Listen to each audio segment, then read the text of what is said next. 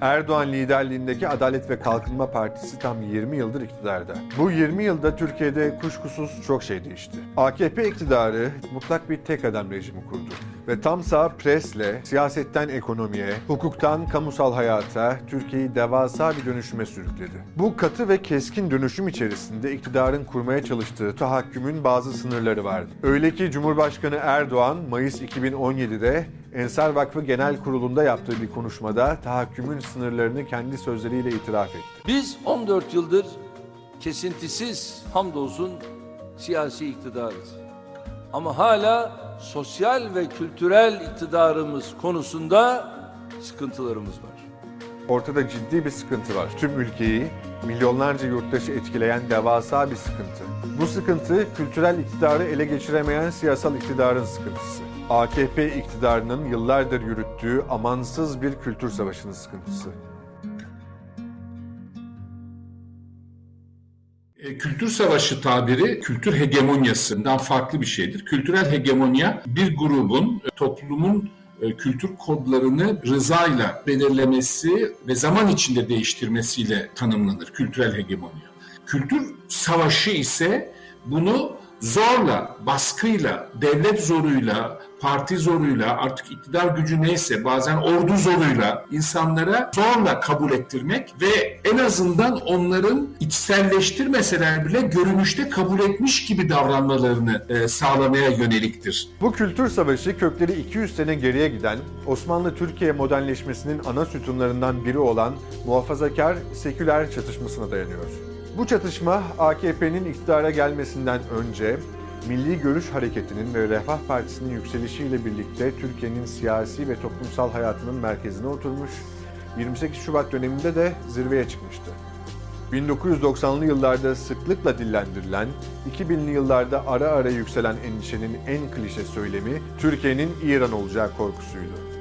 Ancak 2002 yılında iktidara geldiklerinde milli görüş gömleğini çıkardıklarını söyleyen AKP, o dönemki Avrupa Birliği perspektifi içerisinde liberallerin de desteğiyle bu çatışmanın yumuşak bir şekilde çözümü için hamleler attı.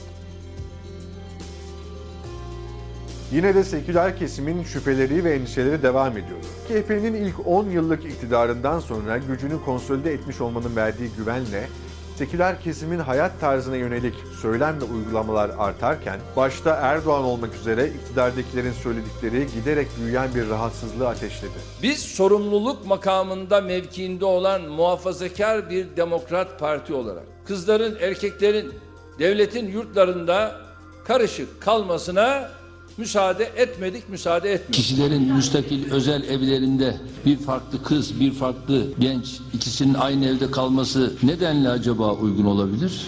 Yani birisiyle kalkarsın, aynı bankta yan yana oturursun, sohbetini yaparsın, şudur budur vesaire detayına girmeye gerek yok. Ya bunları zaten siz de saygıyla bir yere kadar karşılarsınız. Ha, Tayyip Erdoğan olarak ben karşılamam ayrı mesele. Öyle ki 2013 yılındaki gezi eylemlerinin en önemli itici gücü, başta gençler olmak üzere yurdun dört bir yanındaki milyonlarca yurttaşın, iktidarın toplumsal hayatı, hayat tarzını ve yaşam alanlarını dönüştürmeye yönelik adımlarına karşı isyan etmesiydi.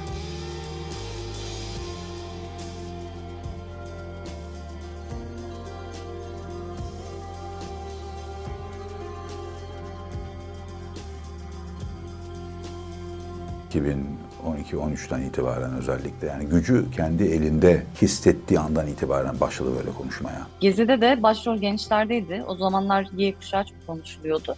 Y kuşağının anlatmaya çalıştığı bir şey vardı. Siyasetin temel mantığından uzak bir kuşak geliyordu. Yeni bir jenerasyon geliyordu. Ve siyasetten rahatsız bir jenerasyon geliyordu. Yani kirli bir siyaset istemeyen, tam tersine samimi, net, temiz bir siyaset isteyen ve özgürlüklere saygılı bir siyaset istiyordu.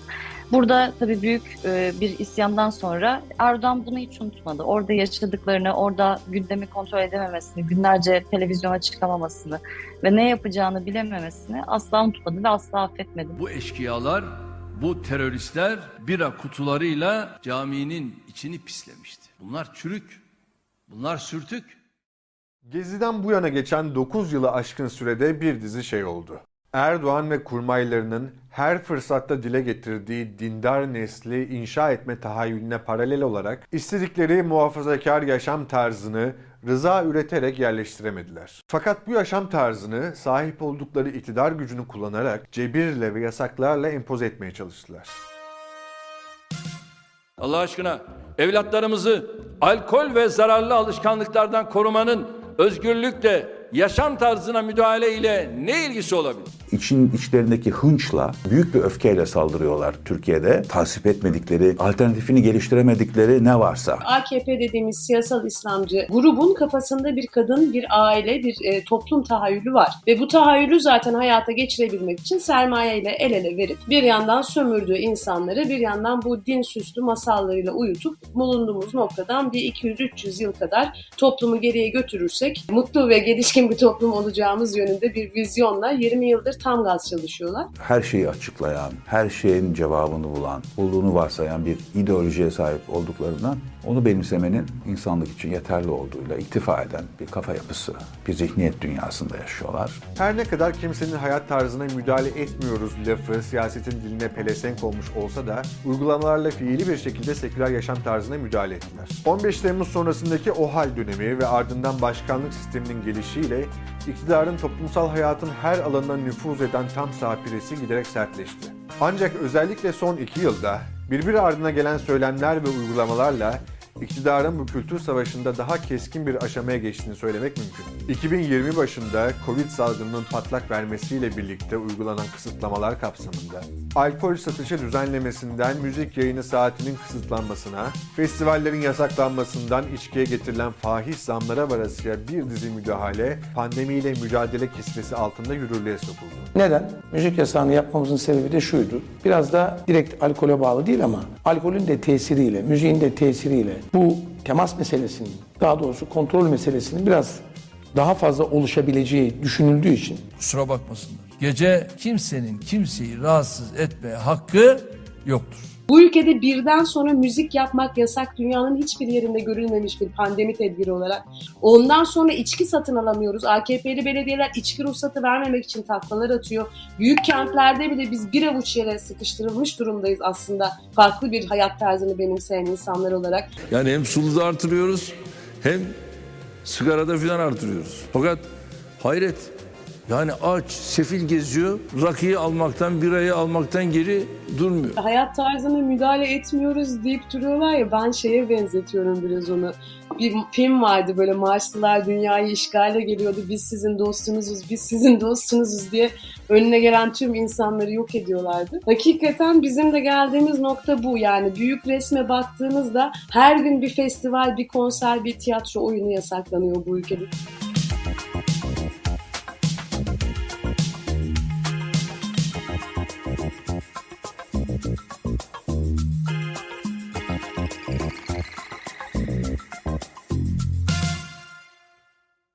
İktidarın bu kültür savaşında geleneklere, dini ve milli değerlere uygun muhafazakar bir aile yapısı ve muhafazakar bir toplumsal hayat inşa etme hedefinin odak noktası her zaman olduğu gibi kadınlar ve gençler oldu. Kadınla erkeği eşit olarak görmeyen ve dini soslarla süslediği bu söylemini her fırsatta bir kıvanç vesilesiymiş gibi dile getiren AKP iktidarı, Türk aile değerlerinin koruma adı altında yürüttüğü bu siyaset içerisinde kadınların eşitlik ve özgürlük mücadelesine karşı bir pozisyon aldı. Türk aile geleneğine aykırıdır veya Türk kültür, örf ve adetlerine aykırıdır gerekçesiyle bunu yaparak aslında Türk kültürü ve örflerinin çok zayıf, tamamen yasaklamayla korumaya muhtaç olduğunu da ortaya döküyor bir cephesiyle. Gerçekten Türkiye'de kadınlar çok sistematik bir saldırı altında ve bu hani doğumundan itibaren başlıyor. Kreş aşamasında devam ediyor. Yani AKP mesela iktidara geldiğinden beri son 15 yılda sistematik olarak bütün kamusal kreşleri kapatıyor. %80 sanıyorum oran. Bunu bunun yerine ne koyuyor mesela?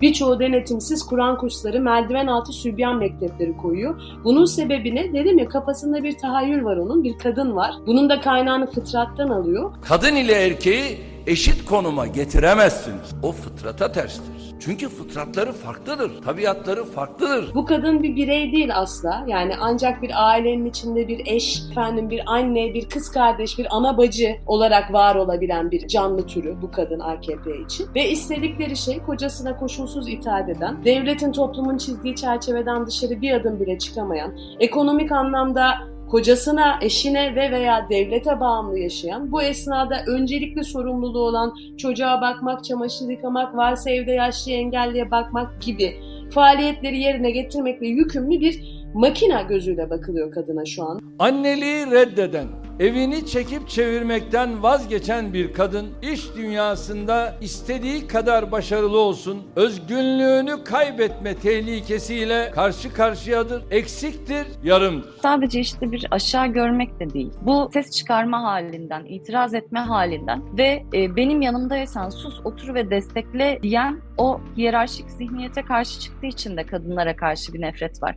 Şimdi yıllar geçti aradan ve İstanbul Sözleşmesi'ni feshedecek noktaya geldiler. İstanbul Sözleşmesi'ni sadece belli grupları memnun etmek için fesheden ve bunu yaparken de çok açık ve net bir şekilde tecavüzcülerin yanında duran, katillerin yanında duran, onlara bakın, siz yapın ve arkanızdayız mesajını veren bir iktidar oldu. İstanbul Sözleşmesi'nin kaldırılması niye? Bu toplumsal cinsiyet eşitsizliğiyle mücadele edeceksin sen devlet sen diyor. Bu yükümlülüğe uymak istemediği için zaten Türkiye devleti şu anda ben bu sözleşmeden çıkıyorum, benim ailem bu değil diyor biliyor. İstanbul Sözleşmesi'ni feshettiğinizde devamında Çocuk Hakları Sözleşmesi'ni feshetmek isteyen topluluklara cesaret veriyorsunuz. Devamında 6284'ü feshetmek isteyen topluluklara cesaret veriyorsunuz. Nafaka hakkını ortadan kaldırmaya çalışan gruplara cesaret veriyorsunuz. İstanbul Sözleşmesi'ni feshederek milyonlarca kadın bir yanda ama diğer yanda katiller ve tecavüzcülerin yanındayız demiş oluyorsunuz. Ailenin direği annedir anne. Bu lezbiyenlerin, mezbiyenlerin söylediklerine falan takılmayalım. Sırf cinsel yönelimlerinden, cinsel kimliklerinden ötürü hedefe oturtabiliyor, aleyhlerinde mitingler yaptırıyor. Aile kurumumuzu sapkın akımların tehdidinden koruyacak bir anayasa değişikliği teklifi hazırladı. Türkiye'nin kendi doğal toplum yapısında oluşan bir nefret ve öfkeyi değil, tam tersine siyasi bir gündemle yani yapay bir şekilde insanlara karşı nefretin körüklendiğini görüyoruz. İsteniyor ki bütün siyasi tartışmalar dönüp dolaşıp burada kilitlensin ve Türkiye bu tartışmalar çerçevesinde seçime gitsin, başka konuları da konuşmasın. Seçime gittiğimiz süreçte görüyoruz ki AKP sanat alanında kuramadığı, kültür alanında kuramadığı bu hegemonyayı aile ve kadın üzerindeki baskıyı arttırarak devam ettirme niyetinde. Önümüze anayasa adı altında getirdiği garabetin kaynağında da tam bu var. Çünkü günün sonunda insanları LGBT artılara karşı mısın değil misin bunun seçimini yapa sıkıştırmaya çalışıyor. İnsanlık tarihi boyunca hep lanetlenmiş sapkınlıkları normalleştirerek özellikle genç dimaları zehirlemenin peşindeler. aile yapımızı bozmak isteyen LGBT unsurlarına karşı biz buradayız. Size geçit vermeyeceğiz.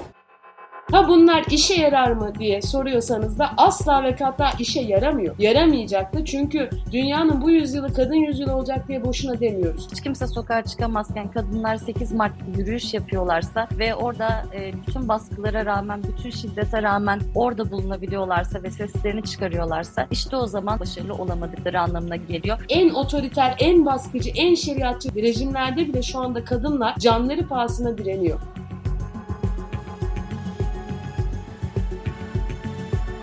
Yani kimse düşünmesin ki bizde de farklı bir şey olacak ya da biz bu saçmalıklara e, bir kere daha boyun eğeceğiz. Aile adı altında bizi koymaya çalıştıkları o hapishanelere ne kendimiz mahkum olacağız ne genç kız kardeşlerimizi mahkum edeceğiz. Fıtrat'a, İslam'a ve kulluğa aykırıdır. İnşallah biraz hareket bekliyoruz ki karşı taraf korksun. Hangi tarafta, hangi safta olduğumuz belli olsun. Artık Müslüman için uyanma, harekete geçme, savaşma zamanı.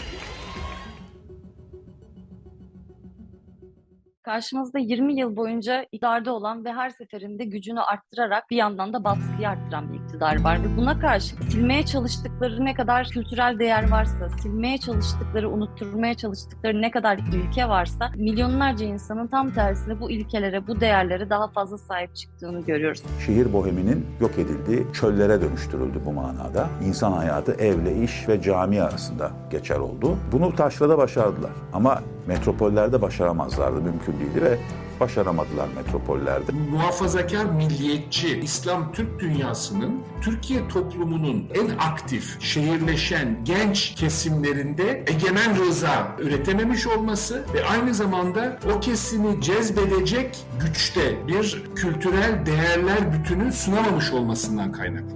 Yeni bir şey koyamadılar ortaya. Koyamazlardı. Fıtratları müsait değildi. Dünyaya bakışları müsait değildi. Kültür alanında, sanat alanında da bütün hafızamıza saldıran ve bütün birikimleri yok etmeye çalışan bir hegemonya inşası talebiyle karşı karşıyayız ve buna karşı direniyoruz. 20 yıl direndik, 6 ay daha direniriz merak etmesin.